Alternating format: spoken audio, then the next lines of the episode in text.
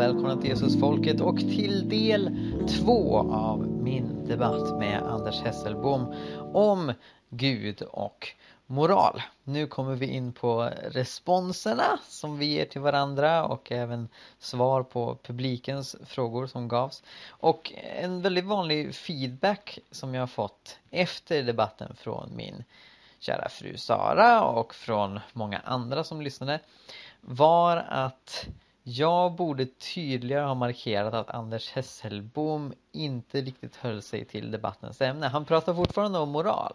Men den brännande frågan som jag tryckte på är hur kan man motivera existensen av moraliska fakta om Gud inte finns? Hur kan man säga att det är sant att feminism är gott eller att mänskliga rättigheter är gott om Gud inte finns? Eh, och hans svar var ganska velande. Han visste för det första inte om, om det verkligen är sant att det finns moraliska fakta. Och han hävdade att det går att motivera existensen av det utan Gud men han förklarade inte riktigt varför. Och sen så kom han in på en hel del sidospår. Och det är inte bara jag som säger det utan det var ganska många som, som lyssnade på det här som menade att han gjorde det. Anledningen till att jag inte bara sa Hörru du, nu glider du iväg här, håll dig till ämnet var att jag tänkte att det är lite oartigt att inte adressera flera av de saker som han tar upp. Jag skulle förmodligen också uppfattas som eh, förloraren av debatten så att säga om, om jag bara vägrar att svara på en hel del grejer. Så det blir lite splittrat. Det blir många sidospår som vi kommer in på. Eh, och eh, det var inte min intention och det kanske inte var Anders intention heller. Eh, men det gör också att, att debatten får ett lite bredare spektrum. vi kommer in till exempel på ondskans problem och på gamla testamentet och sådana saker. Eh, så det är min inledande kommentar. Eh, jag hoppas att ni uppskattar eh, den här debatten. Kom jättegärna med feedback om vad ni tycker. Om ni tycker att Anders har en poäng, om ni tycker att jag har en poäng. Och så får vi se om det blir fler debatter framöver. Jag vet att Svenska Politiksällskapet redan nu planerar en debatt mellan mig och Christer Sturmark, vilket vore ju helt awesome. Så det hoppas vi på. Men håll till godo med denna debatt så hörs vi senare. Hej! Anders säger att han är öppen för att objektiv moral finns och det är ju eh, samma sak som det jag har kallat värderealism. Eh, jag skulle gå längre än så. Jag tror att du är rätt övertygad om att det finns utifrån att du beskriver saker som onda, som goda. Eh, du beskriver Gud som masochist och, och talar om att ateister och kristna och religiösa kan, kan göra goda gärningar allihopa.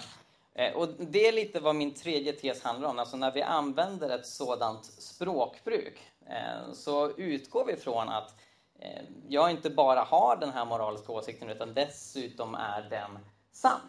Ehm, så jag, jag skulle gå lite längre och hävda att du, liksom jag, utgår från att värderealism är sann. Eh, du säger att eh, moralen måste inte vara objektiv för att kunna vara något. Och det är givetvis så att om man säger att, att värderealism inte är sant eh, och vi har bara våra egna idéer men, men ingenting stämmer egentligen så skulle man ändå, liksom, liksom vi gör, komma överens demokratiskt om vad vi ska anse och vi kan skriva deklaration om mänskliga rättigheter som vi själva liksom försöker övertyga andra om att de ska följa.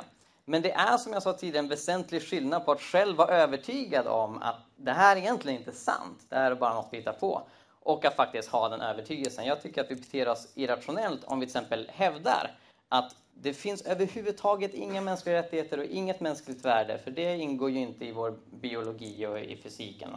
Eh, och sen kritisera Trump eller Isis för att de inte respekterar mänskliga rättigheter. Det där, där ser jag ett problem. Anders talade också om evolutionen, om social evolution som leder fram till våra moraliska värderingar. Eh, och, det är en liten annan fråga. Eh, alltså, vi, vi kan definitivt beskriva hur människor får deras moraliska uppfattningar, eh, både mänskligheten i stort och liksom hur vissa kulturer utvecklar vissa moraliska idéer idéhistoriskt. Men det är inte samma sak som att säga ja men Eh, den västerländska civilisationens idéer om mänskliga rättigheter är sann, den indiska civilisationens idéer om kastsystem är falsk. Eh, det är något annat. Om man bara går på evolution, jag menar alla människor utvecklas utifrån evolution. Alltså att eh, även liksom civilisationer som har moraliska idéer som vi tycker är fruktansvärda är ju en produkt av deras evolution, Nazityskland och så vidare. Eh, Anders nämnde också att, Eh, och citerade Russell där, att ingen god gärning eh, som, som religiösa gör kan inte göras av ateister, men det görs massa onda gärningar av religiösa som inte ateister gör. Eh, jag skulle säga att det motsatta också råder. Eh, jag tror inte att det, det, finns någon god gärning ateister gör som inte religiösa också kan göra. Men jag tror det finns onda gärningar eh, som eh, ateister gör som religiösa inte gör. Eh, Open Door publicerar varje år sin World Watch List om eh, förföljelse mot kristna.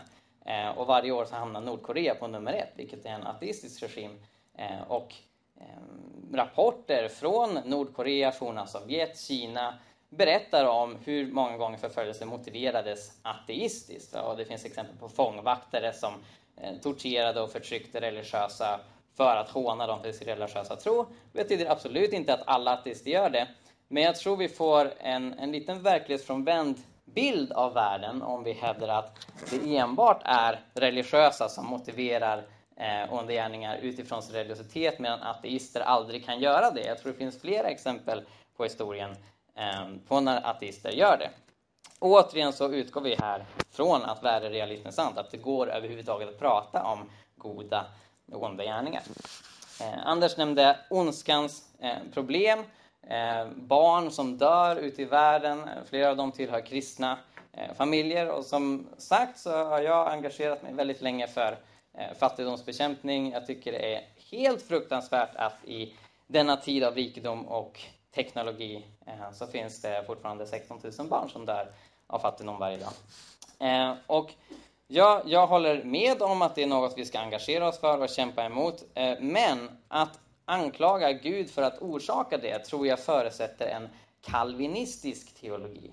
Eh, och det är eh, lite kort sammanfattat en teologi som säger att fri vilja inte finns och att Gud är ansvarig för allt som sker. Att i princip alla är Guds marionettdockor eh, och allt är liksom konsekvensen av Guds plan. Det menar jag går emot biblisk teologi. Jag tycker att Bibeln är väldigt tydlig med att fri vilja finns. Och Alvin Plantinga, Plantinga, som är en av världens mest framstående religionsfilosofer, har utvecklat ett försvar utifrån den fria viljan där han går emot ondskans problem i dess logiska form. Eh, det vill säga hävdandet att det är logiskt omöjligt att både Gud och ondska finns i världen. Och han tycker jag visar på ett övertygande sätt att det är det inte alls. Men jag har inte tid att gå igenom vad han säger, så det får ni kolla upp på nätet. Ehm, jag vill också nämna den här boken, Did God Really Command eh, Genocide? Ehm, som tar upp eh, en av sakerna som jag tror Anders tänkte på när han diskuterar Guds beteende i Bibeln. Och en av författarna, eh, Paul Copan, har också skrivit en bok som heter Vi skadar moral monster. Det är böcker som går igenom Gamla Testamentet. Och den här tycker jag är väldigt intressant för jag tycker de visar på ett väldigt övertygande sätt att Gamla Testamentet inte beskriver folkmord av kananéer kananier och andra folkslag.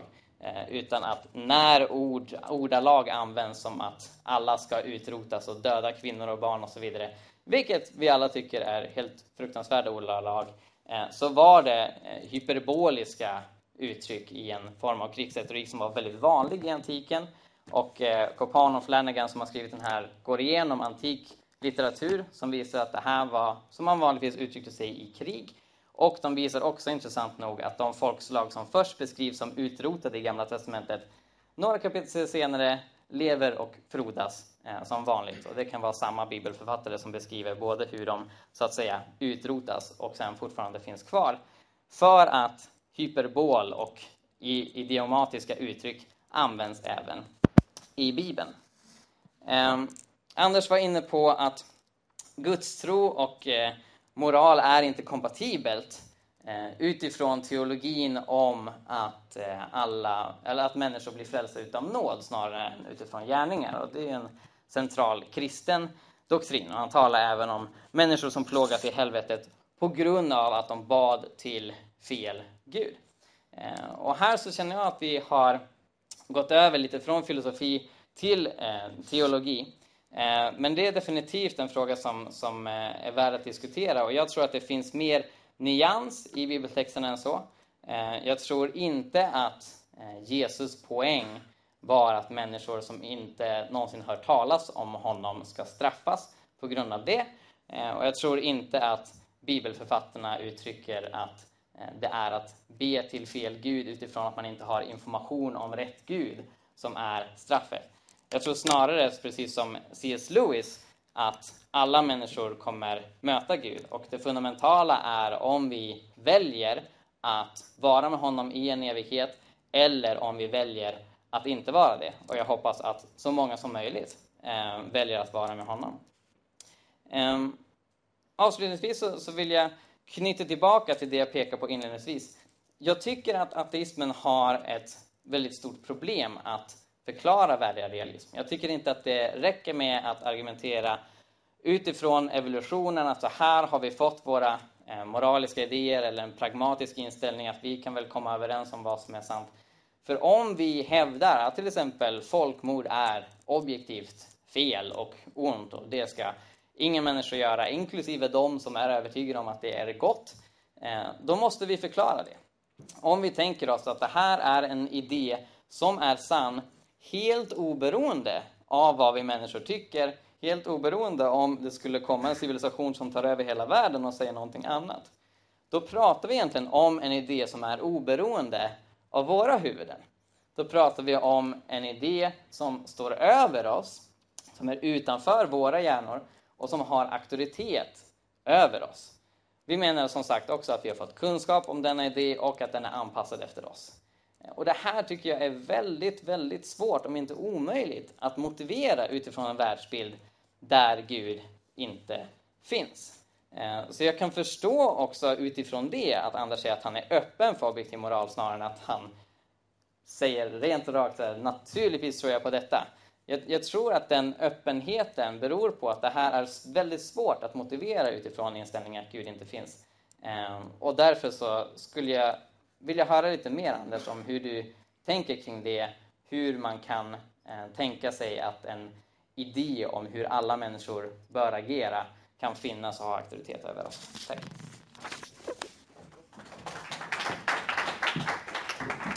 Tack så mycket Mikael. Eh, då är det dags för Anders att få sina tio minuter.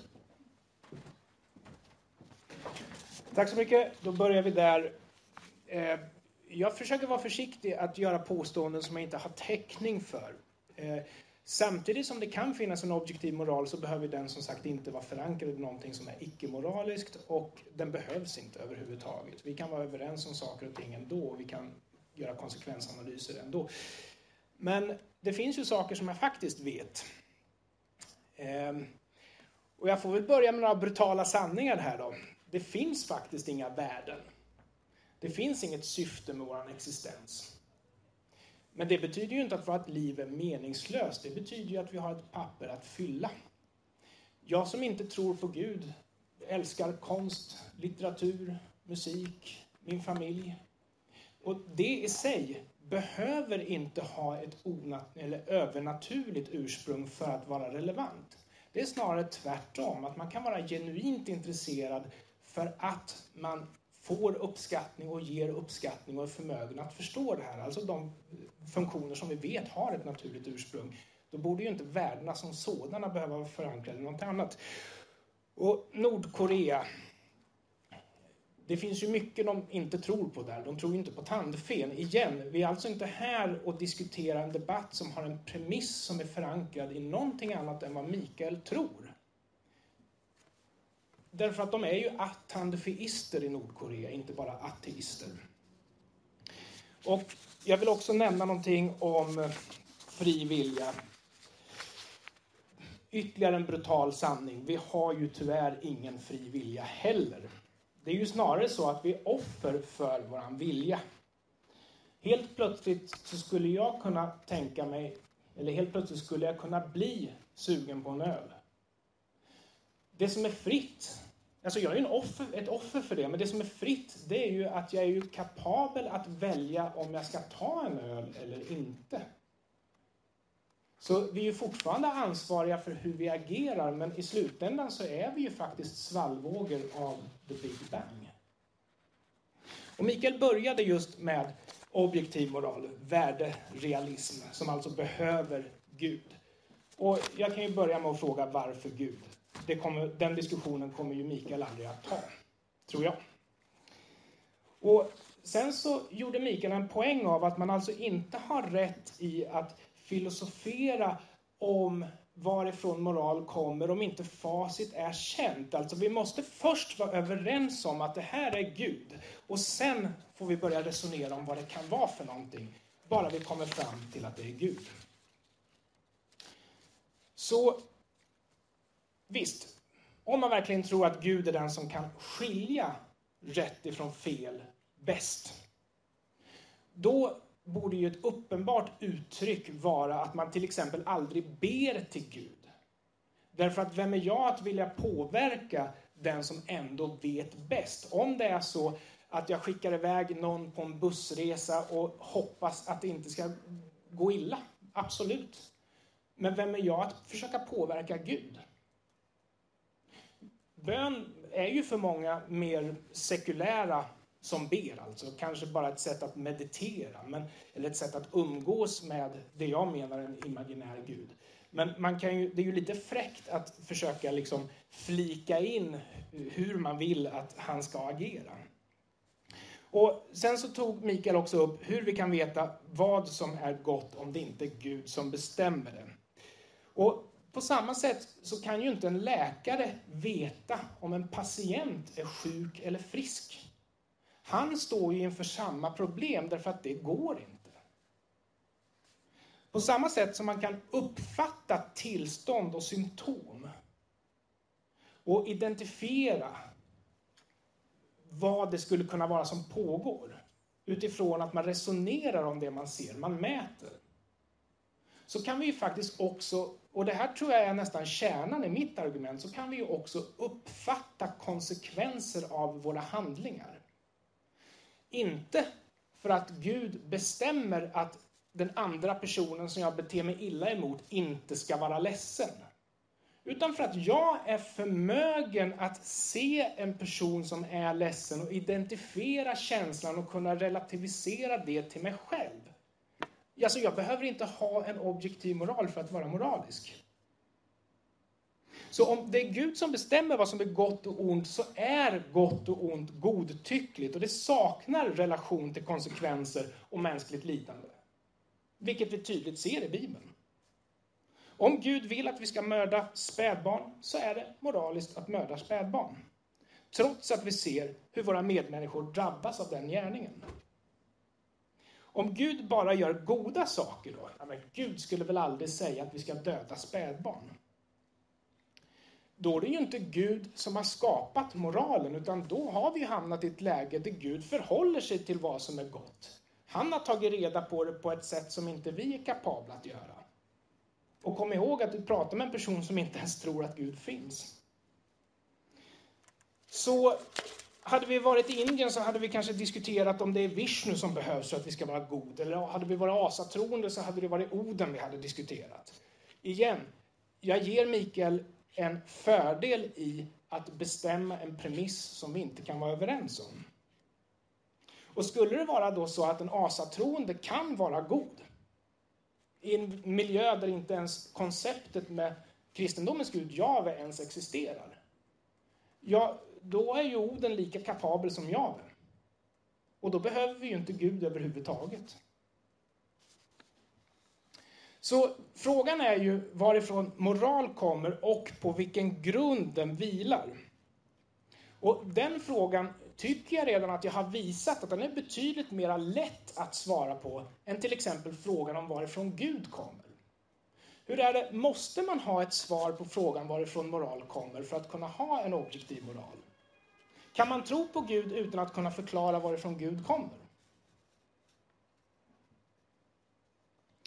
Så visst, det kan finnas en objektiv moral och visst, mycket vilar i vad vi faktiskt tycker rent subjektivt är rätt och fel. Men vissa saker kan säkert alltid vara rätt och fel därför att vi har sett att konsekvenserna är ganska konsekventa det blir alltid samma dåliga resultat av den här dåliga gärningen. Kanske är det en objektiv sanning, men igen, en objektiv moralisk sanning. Men igen, måste den vara förankrad i någonting som inte har med moral att göra? Och måste den ha ett ursprung som är övernaturligt?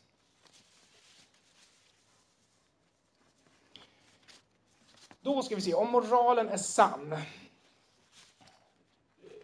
Alltså, eh, förlåt mig, om moralrealismen är sann det är en förutsättning som jag förväntas ha för att kunna ha moraliska åsikter, för att kunna kritisera eh, Gud, Guds moral.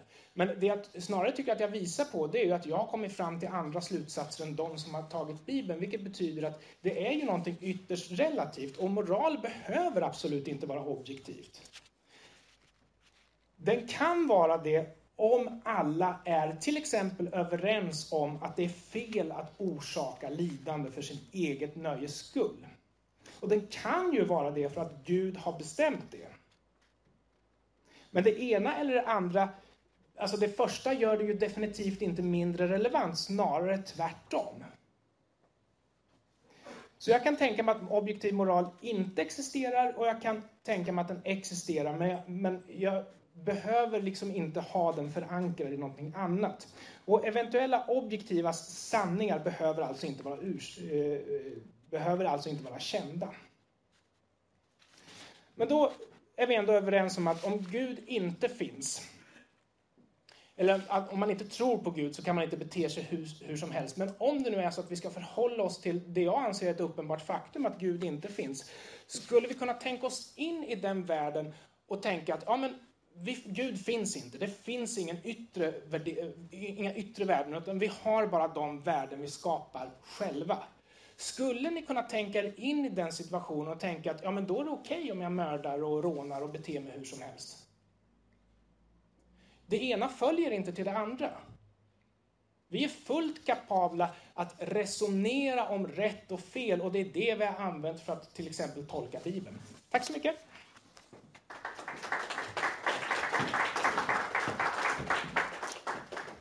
Mycket Anders. Då ska Mikael få fem minuter att svara på Anders. Tack så mycket. Eh, jag känner att Anders servade mig två bollar som jag inte nämnde i mitt inledningsanförande därför att eh, det är inte så att alla som inte tror på Gud också förnekar eh, syfte med livet och fri vilja. Men eftersom Anders eh, så tydligt sagt att eh, det finns inga värden, det finns inget syfte med vår existens och det finns ingen fri vilja då skulle jag vilja påpeka att detta gör det omöjligt för värderealism att vara sant. Det gör det omöjligt för objektiv moral att existera.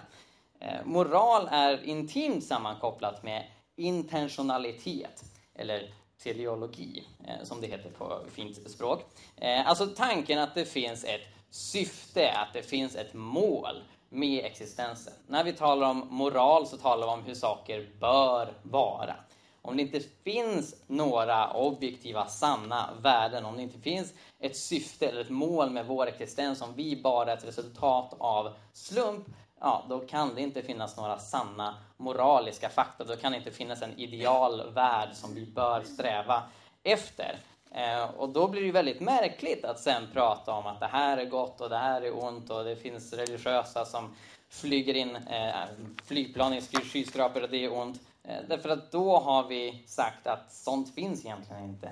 Och det blir ju också väldigt svårt att eh, förena frånvaron av fri vilja med moraliska sanningar och ett sant agerande moraliskt. Va? Om vi inte kan välja hur vi agerar, var hamnar moralen då?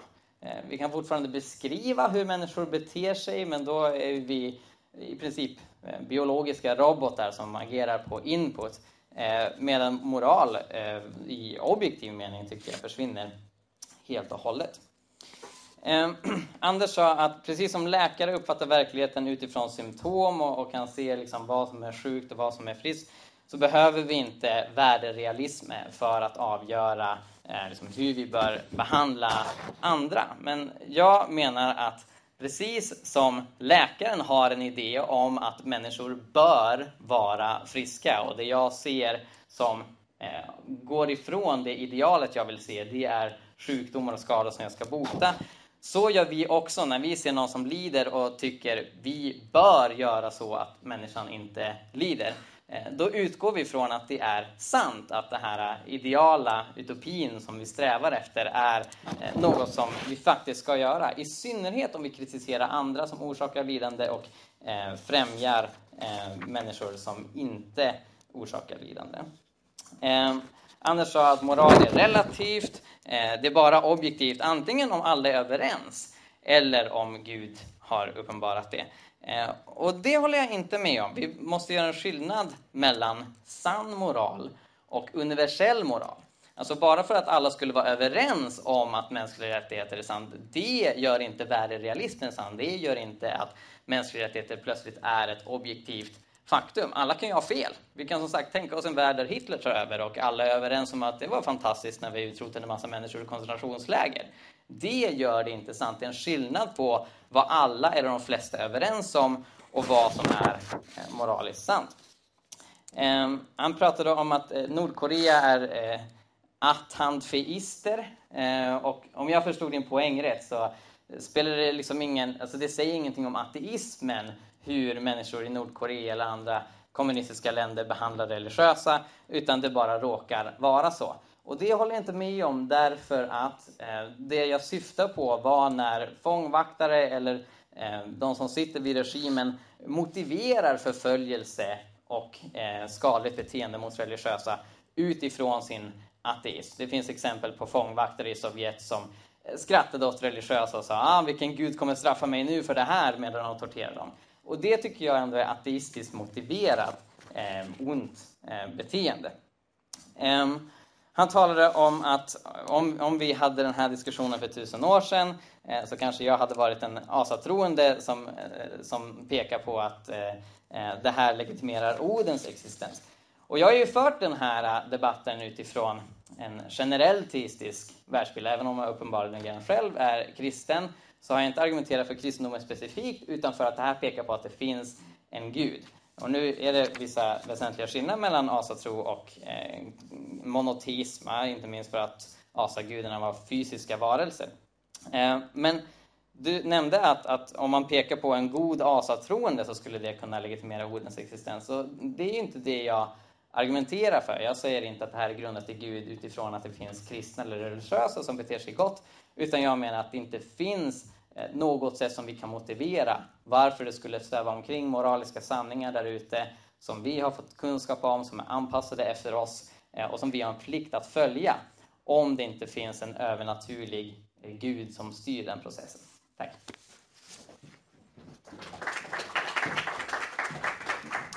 Då är det dags för det sista anförandet innan vi öppnar upp för frågor. Anders, fem minuter.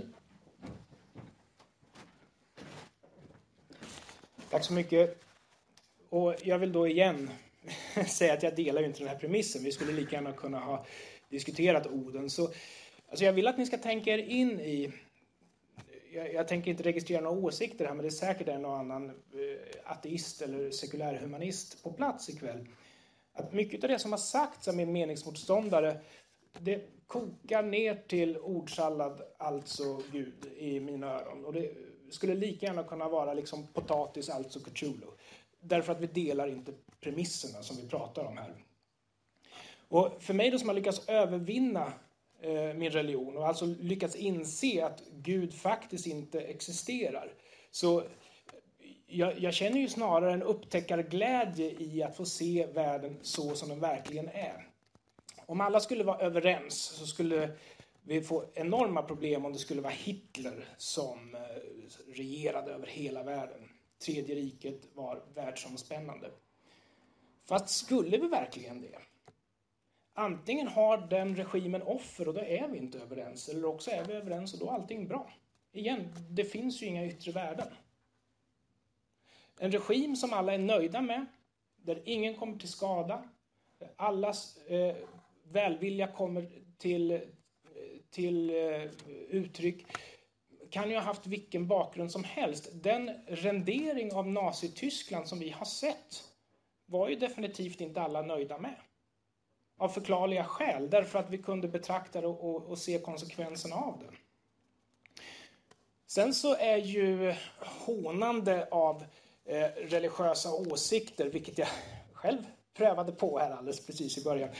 Eh, någonting som ateister kan göra, men det kan ju också religiösa göra. Eh, personer som tillhör en annan religion kan alldeles utmärkt eh, göra narr av någon annan religion som de inte respekterar. Och vi har ju sett många exempel på religiösa konflikter. Eh, sen är det klart att är den som hånar ateist, då kan det ju vara ganska frestande att säga att ingen gud finns, för det är ju vad ateism betyder. Men eh, Hitchens utmaning var ju inte riktigt den, eller hur?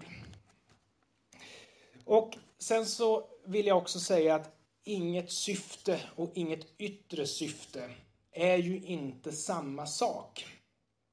Du har ju pekat på ordet objektiv några gånger och eh, betonat det, så då får, jag, får väl jag säga att naturligt syfte och övernaturligt syfte är inte samma sak. Därför att det jag säger är ju inte att vårt liv är meningslöst eftersom vi skapar vår egen mening. Det jag säger det är att vi gör det inte för någon annans skull.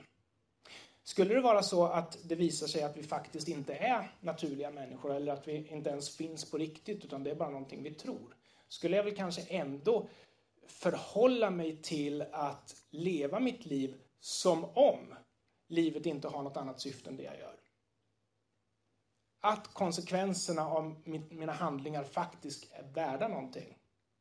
För att jag kan uppfatta hur de tas emot och vilka konsekvenser de får. Det är någonting jag skulle stå på mig av. Sen så blir det ju, kokar man då ner till att det ska finnas en objektiv agent och att den skulle vara något övernaturligt väsen menar, på den punkten är jag inte så beredd att ändra uppfattning. Jag har gjort det en gång när jag liksom upptäckte skepticismen och såg, liksom vågade se världen för vad den egentligen är. Skulle idag molnen glida isär och en gubbe komma ner från himlen och säga jag är Gud då skulle jag nog inte konvertera tillbaks till kristendomen utan då skulle jag nog snarare tvivla på mina sinnen. Därför att det vi tror och inte tror måste ju på något sätt vara förankrat i det lilla vi faktiskt kan veta om världen. Och vi vet att arterna har utvecklats biologiskt över tid och vi vet att moralen har utvecklats över tid. Vi vet att Gud varken har skapat arterna eller moralen vi vet inte om det här är en del av Guds plan eller inte. Men även om vi bortser från det så är det bra nog. Så min uppmaning är att försöka göra gott, inte för rädslan för ett helvetes straff, utan för att det helt enkelt känns bättre att inte vara en skitstövel. Tack så mycket!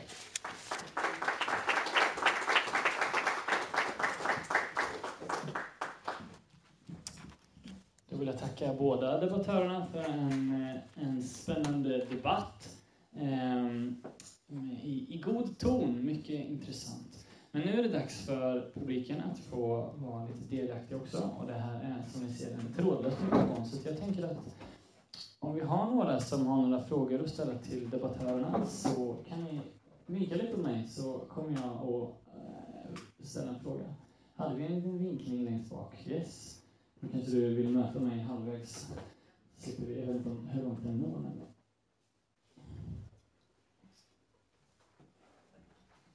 En kanske lite annorlunda fråga än vad ni förväntar er. Men det är något jag är väldigt nyfiken på just när två personer argumenterar. Eh, vad skulle ni säga är det bästa argumentet för tis, alltså en gudstro och ateism men om du får svara, vad tycker du är det bästa för en gudstro? Och vad skulle du säga är det bästa argumentet ateismen? Vem vill börja? Ja, men jag kan börja på den då. Yeah. Ja, just det. Nu ska jag stänga micken. Finjusteringsargumentet tycker jag är det bästa argumentet. Därmed inte sagt att det är speciellt bra överhuvudtaget, därför att det finns bättre naturalistiska förklaringar för det jag måste motstå frestelsen att vädja till konsekvenser. Därför att, igen, jag tror verkligen att skulle det vara så att vi är skapade av en gud, eller att det finns en gud som bryr sig om oss, så är vi delar av ett sadomasochistiskt experiment. Men jag tänker inte vädja till konsekvenser, utan jag tänker säga att fin justeringsargumentet. Skulle du vilja förklara det för de som inte har koll på det? hur kan det komma sig att universum är så fantastiskt skapat så att det finns en sån vacker planet som hyser ett så pass fascinerande liv som på jorden? Eh, vilket då vi förklarar inom naturvetenskapen som att det är konsekvenser av den stora smällen, men som man inom teismen pratar om en gudsplan. Just det. Och Mikael? Eh, jag skulle säga att det bästa argumentet för ateismen är ondskans problem, eh, som vi har varit inne på. Om Gud är allsmäktig och god, hur kan det finnas så mycket lidande och ondska eh, i världen? Just det. Gott. Har vi fler frågor från publiken? Någon som vinkar där? Har vi en fråga?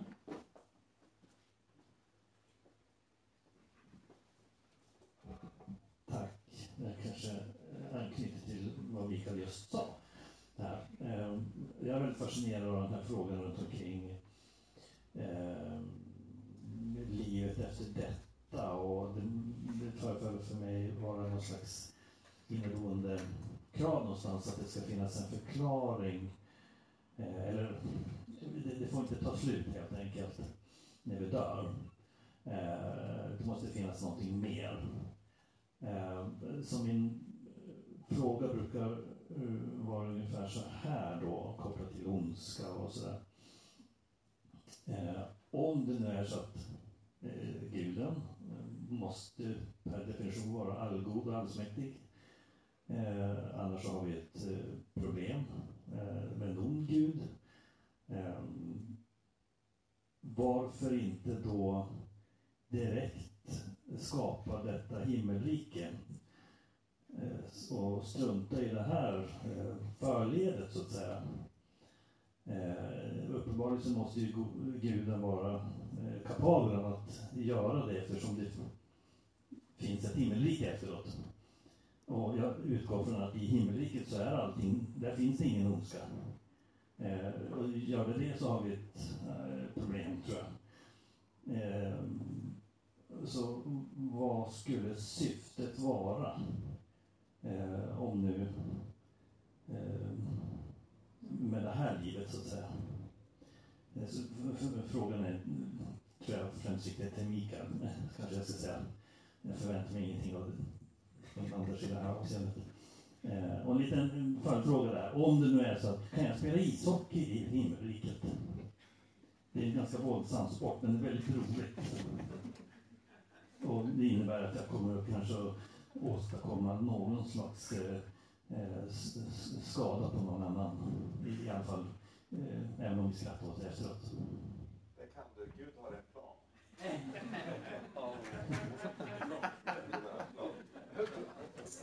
Gott, Mikael. Känns det tydligt? Ja. Eh, jättebra fråga. Eh, jag skulle säga att det är omöjligt att eh, tvinga människor att fritt eh, välja att göra gott eller att fritt välja att eh, vara i en kärleksfull relation med någon annan. Eh, och då kommer vi återigen tillbaka till fria viljan som är det vanligaste svaret på ondskapsproblemen. Att om Gud omedelbart hade skapat en värld där människor inte kunde göra ont, om man omedelbart hade skapat en himmel Eh, där det inte finns möjligheten att synda, eh, så tror jag inte att de mänskliga varelserna eh, ens hade haft medvetande som vi uppfattar det. Eh, jag tror att den fria viljan och vår frihet är så otroligt sammankopplad med hur vi fungerar och hur vi är, hur vi tänker. Eh, så de varelserna hade verkligen varit eh, maskiner, eh, robotar. Liksom. Eh, och utifrån att han skapar en värld eh, där frivilliga finns, så finns då eh, möjligheten att människor gör ont, vilket uppenbarligen är den värld vi lever i.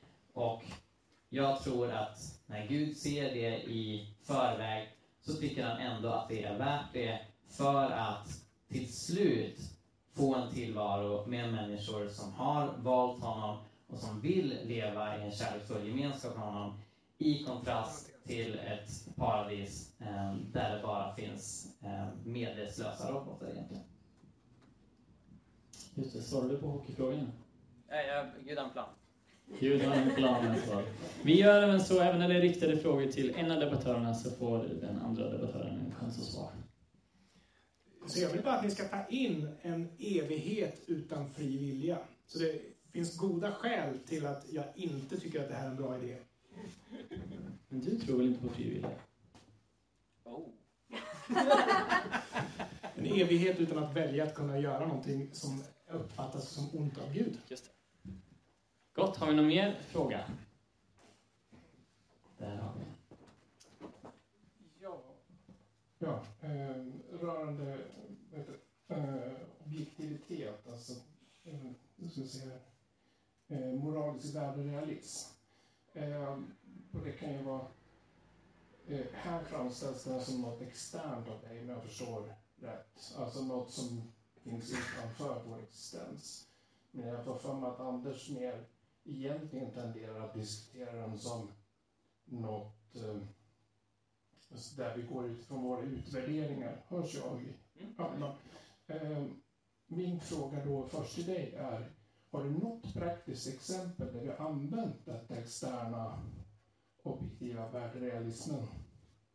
Och till dig, har du något praktiskt exempel på hur vi faktiskt har så objektivt förankrat att vi kan använda ditt begrepp?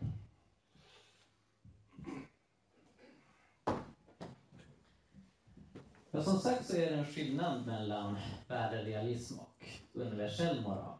Ja, och som jag varit inne på så menar jag att de allra, allra flesta människor, i alla fall alla människor som jag har haft sådana här diskussioner med, Eh, menar i praktiken att värderealism är sant utifrån att de talar om saker som gott, ont, rätt och fel. Till och med när de är oense om det. Eh, så liksom när jag debatterar med en ihärdig sverigedemokrat som vill att vi ska kasta ut alla flyktingar och jag menar att vi ska välkomna flyktingar, så utgår vi båda från att det finns ett rätt agerande, det finns något som vi bör agera. Eh, och sen så menar jag att det går inte att motivera varför detta skulle vara sant utanför oss själva utan att dra in Gud. Eh, och i och med att jag har valt att tro på Gud så tolkar ju detta utifrån ett kristet synsätt där jag menar att Gud uppenbarar eh, den sanna moralen.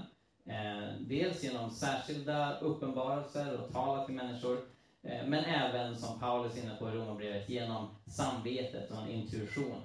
Eh, och det intressanta är ju att även de människor som tycker helt olika om mig i massa moraliska frågor även de utgår från att det de tycker är sant och de kritiserar mina uppfattningar, de förespråkar sina.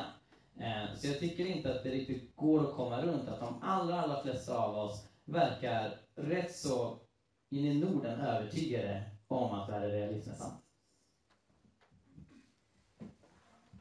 Ja, inte jag då. Men eh, om vi tänker oss ett tillstånd i universum där Gud faktiskt inte finns. Så skulle jag säga att det universumet skulle vara väldigt likt det vi befinner oss i just nu. Så alltså det skulle vara marginella skillnader från det som vi ser framför oss just nu. Skulle de marginella skillnaderna verkligen göra att vi slutar bry oss om varandra och bry oss om vad vi anser vara rätt och fel? Det kan inte jag för mitt liv se. Och sen så för att svara på frågan så jag gillade Sam Harris beskrivning av ett landskap där det finns högre toppar och djupare dalar. Kanon, då såg jag en fråga här. Avigt. Vill du komma lite inåt lokalen så att Anders ser dig också så får du gärna göra det. Ställ din fråga härifrån. Jag har en fråga till båda eh, angående det här med att Gud behövs för att grunda objektiv moral. Eh, jag vill bara höra om varför eller varför inte ni tycker det är relevant att prata om tandfen till exempel som en ja, motsvarighet till Gud. Liksom. Jag utvecklar det kan du börja? Ja, jag kan börja för det är ju Mickes hemma, äh, eh, hemmaplan här.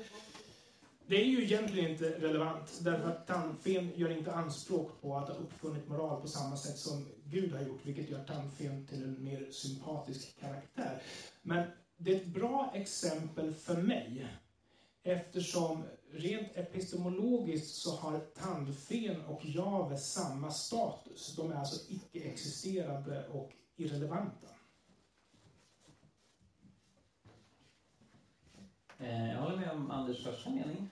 Ehm, och, och jag, jag, tror det finns ett, ett utbrett problem när um, ateister och människor som kritiserar religion drar in tandfen eller jultomten utifrån att det är andra varelser, även om man skulle betrakta dem som potentiellt existerande.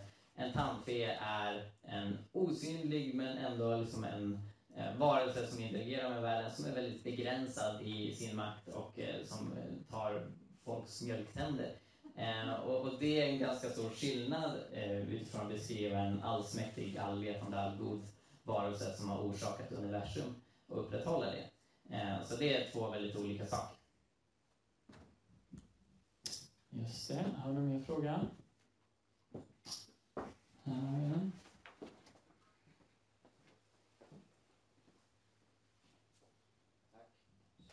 Jag skulle bara vilja ta upp en fråga som eh, har med ert förhållande till samhället. Eh, Bo Rothstein har ju forskat mycket kring detta, eh, religionens roll och naturligtvis också hur vi beter oss mot varandra.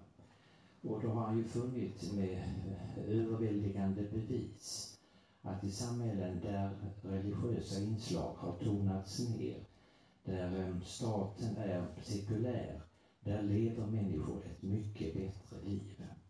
Jag skulle vilja höra era synpunkter på det. Men så vill jag säga en sak som jag tycker är så sorgligt. Hela den här debatten är ju egentligen väldigt dimmig och oklar. Jag måste nog säga det Mikael, att det, det, hela ditt tankesystem är för mig oklart. Det är svårt att förstå vad du menar. Och det gör ju att debatten blir väldigt konstig, för att man sitter här och försöker förstå det. Jag vill bara säga... Ja, eh, jag har ju mikrofonen nu, vi pratar färdigt. Det får du acceptera. Jag vill bara säga att jag tycker det är synd, därför att det är en intressant diskussion som vi för. Nämligen frågan om kan god moral i någon sorts allmän mening existera utanför religiöst tänkande? Just det. Då ska vi se. Ehm, um, får jag börja bakifrån? Um, ursäkta om jag inte är tydlig, jag försöker. Det är min första debatt. Um, så ja, jag ber om ursäkt om, om det jag säger är otydligt. Um, jag skulle också vilja förtydliga att det jag argumenterar för är inte om godhet kan finnas utanför religiöst tänkande eh, i sig, utan snarare om hur vi kan konstatera att det finns något som är verkligt sant gott utan att ha med Gud i vår världsbild som är upphovsman och uppenbarare av det. Um, vad var din första fråga? Jag kan kommentera först. Det var om Bo Rothstein och... Yeah, precis, Boråsen. Jo, men jag, jag, känner till det du eh, pratar om eh, och jag skrev kring det. Jag tycker ett problem med Bo Rothsteins studie är att han så uppenbarligen jämför västländer med utvecklingsländer. Eh, och så konstaterar han, ja men titta, de här länderna eh, som är mer sekulära, där är det mindre korruption, eh, där är det längre medellivslängd och så vidare. Eh, och det är ju saker som beror på ekonomisk utveckling i väldigt hög grad. Jag har trots allt studerat utvecklingsstudier. Eh, så jag, jag tycker att det han pekar på är en korrelation som man inte riktigt kan konstatera har någon kausalitet. Eh, västvärldens rikedom består i väldigt hög grad av både kolonialism och neokolonialism. Och länder i majoritetsvärlden, Afrika, Asien och Latinamerika hålls på en fattig nivå av de fina sekulära länderna. Eh, så till exempel Afrika ehm, förlorar mer pengar på grund av skatteflykt och kapitalflykt än vad Afrika får i bistånd.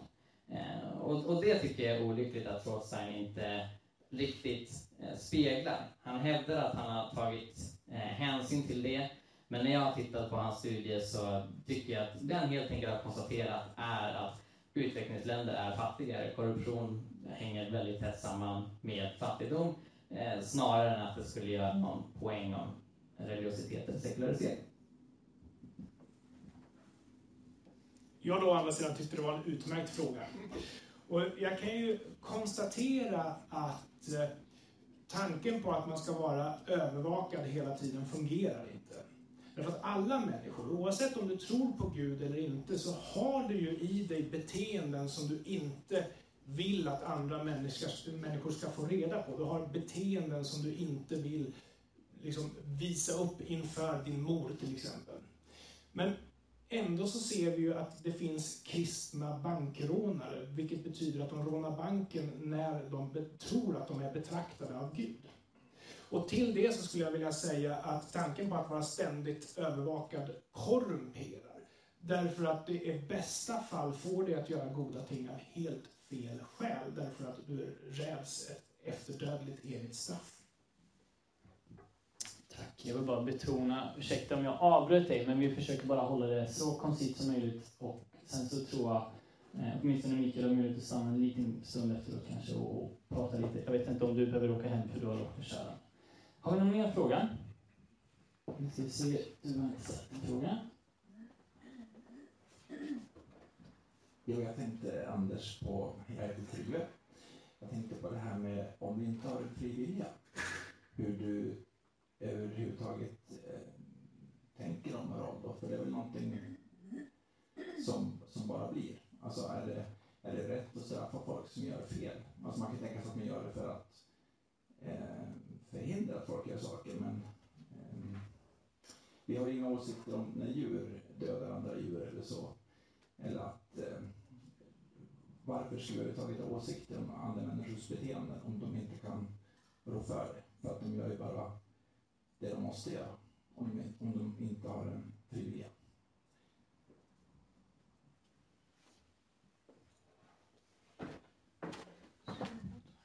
Tack så mycket. Nu finns det ju djur som har, kan skilja på rätt och fel och sådana här saker också. Det finns ju humanoider och sånt. Men, men vi är ju fortfarande fria att agera. Och eh, att se konsekvenserna av en illgärning får ju mig att inte vilja göra den, men jag kan ju också aktivt välja att göra den.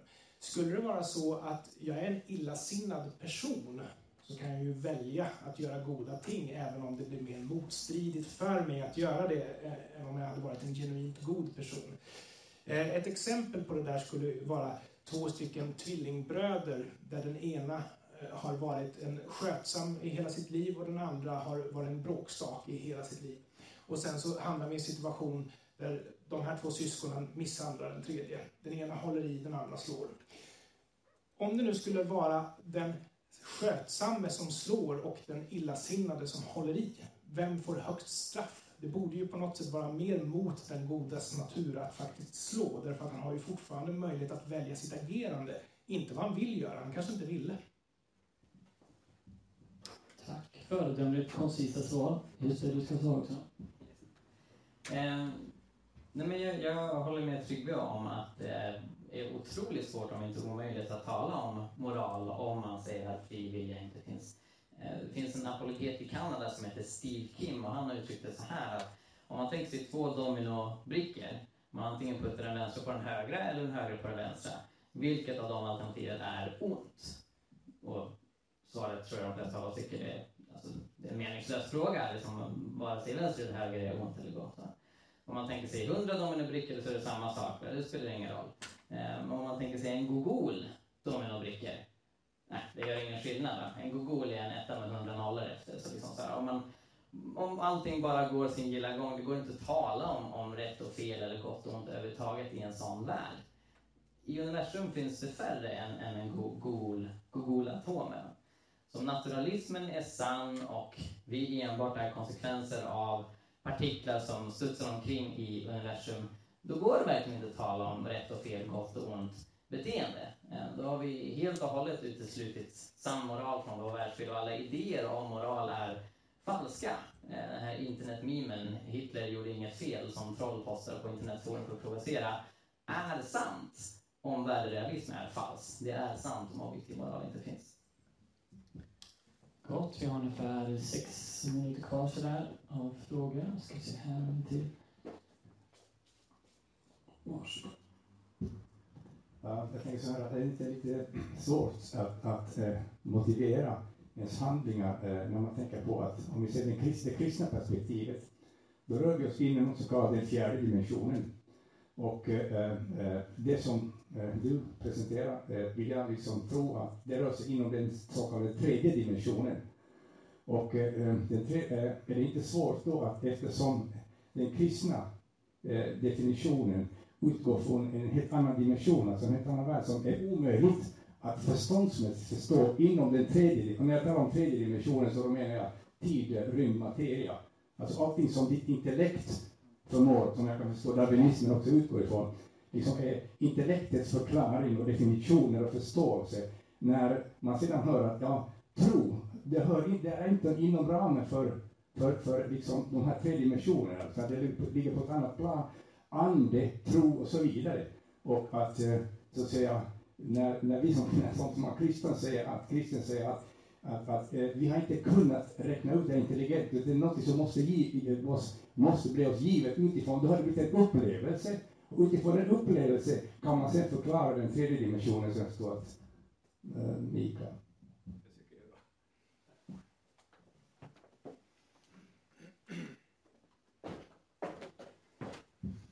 Jag har ju varit kristen i större delen av mitt liv och har en kristen uppväxt, så jag förstår vad du pratar om. Men eh, jag har ju hittat andra vägar, så att säga, att förklara dessa ting.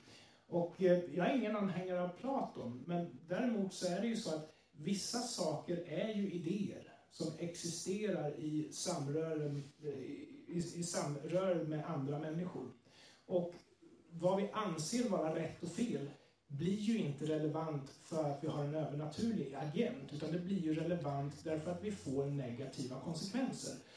Om det är så, igen, att jag gör någon illa utan att jag själv får betala något pris, så betalar jag ju ändå ett pris i vetskapen om konsekvenserna ifrån mitt agerande. Vi skulle inte vara förmögna att upptäcka vad Gud ansåg var rätt och fel om vi inte hade den här förmågan. Och när vi väl har den så kan vi förklara, alltså då blir Gud i bästa fall en onödig hypotes. Men i värsta fall så är det ju så att han är ju betydligt mer komplicerad än vad Russells tekan är. Han är ju snarare en hopplös eh, hypotes som tusentals år har gått utan att vi egentligen har fått några vettiga argument för hans existens överhuvudtaget. Jag vet varifrån du kommer eftersom jag kommer från samma ställe. Det är bara det att jag känner att jag har lyckats övervinna det här. Jag behöver inte ha någon övernaturlig förklaring tror inte du förstår min fråga alltså, men jag tar inte upp det nu. Okej. Okay. Vi kanske kan hinna fånga varandra snabbt efteråt. Ja, precis. Eh, um, jag vet inte heller om jag förstod din fråga eller fel. Men, men som, som en kommentar på det du säger, um, så, så det jag tror din poäng är, är att vi behöver liksom den här andliga övernaturliga dimensionen för att kunna grunna sann moral eh, i någonting utanför oss själva. Och det är helt enig Eh, Eh, med dig om. Alltså vi måste prata om något som är utanför oss själva när vi pratar om det som är sant moraliskt. Det finns ju många exempel på civilisationer som har haft helt andra tankesätt och de allra flesta i de civilisationerna har tänkt på moral på ett otroligt annorlunda sätt än vad vi gör. Och det ger en väldigt utmaning eh, för, vad ska man säga, ett naturalistiskt tänkande kring moralen. Hur vet vi att vårt tänkande om mänskliga rättigheter, om mänskligt värde som är relativt nya idéer, att det är sant och att de som ifrågasätter det har fel och ska kritiseras eller till och med straffas juridiskt. Det måste vi förankra i något utanför våra hjärnor och mänskliga civilisationer. Eh, och det kan man inte riktigt göra om det inte finns en gud som styr den processen, uppenbarar den och ger oss plikt att följa den. Då har vi kommit fram till vår sista fråga. Det blir Jäklarmannen i mitten här som får den. Ja, det här är ingen fråga utan ett tillrättaläggande.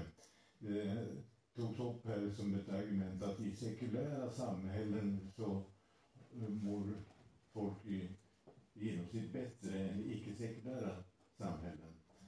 Och eh, det kan man alltså inte ta som ett bevis för att det är det just sekularismen som är orsak till det hela, utan det är bara ett samband man har konstaterat. Jag är statistiker nämligen och sysslar med att utreda och skillnaden mellan samband och orsakssamband. Och i ärlighetens namn så måste jag faktiskt eh, ge Mikael rätt på den punkten att det var ett samband som han har visat. Eh, jag är en gammal tvivlare sedan 70 år tillbaka ungefär. Men jag Eh, rätt och fel. Gott, då får det bli att ni får kommentera det eh, påpekandet från eh, statistiken. Du har ju rätt naturligtvis. Eh, sen skulle jag vilja lägga på bordet att något som utmärker sekulära samhällen är till exempel religionsfrihet på lika villkor. Det är inte en viss religion premieras över en annan. Vilket i sig är en kausal eh, faktor till ett bättre samhälle. Men på det som kom upp här, på de exemplen som kom upp här, så har ju du rätt. Eftersom där var det ju andra saker som orsakade det. Ehm, och jag kan nämna bara när det som sagt hamnar på bordet. Ehm, religionsfrihet är en idé som har promotats av kristendomen ända sedan begynnelsen och det man kan se är att upplysningsfilosofer och andra som hade de här tankarna var inspirerade av radikala protestantiska rörelser såsom anabaptismen. Eh, så det finns en väldigt intressant länk eh, som fler och fler historiker börjar diskutera, bland annat i England, eh, mellan just kristet tänkande och vårt moderna tänkande om mänskliga rättigheter, demokrati och olika friheter. Då var det det sista vi får höra i mikrofon åtminstone av våra debattörer här ikväll. Ehm, jag tror att eh, alla har fått någon form av fundering eller, eller tankenöt som man kan gå hem och grunna på. Ehm, jag vill tacka er för att ni kom, för att ni ställde mycket intressanta frågor. Och jag vill eh, alldeles särskilt tacka Anders som har åkt hela vägen från Örebro för att komma hit. Ehm, och lite också till Mikael, han jobbar väldigt mycket, så det var inte samma cred riktigt. Men du har också du har åkt bussen in från landet, eh, så det ska du också ha stort tack för. Nej men ni har lagt ner ett jättestort jobb på att, på att förbereda och arrangera. Tack även, eh, även Ronny. Jag ser här eh, att det finns lite, lite saft kvar till exempel som är svårt att svara på, så behöver ni en liten kick för att ta er hem så tror jag det är okej okay med en liten påtår där. Eh, annars så får vi tacka för oss. Så ska vi ge en stor applåd till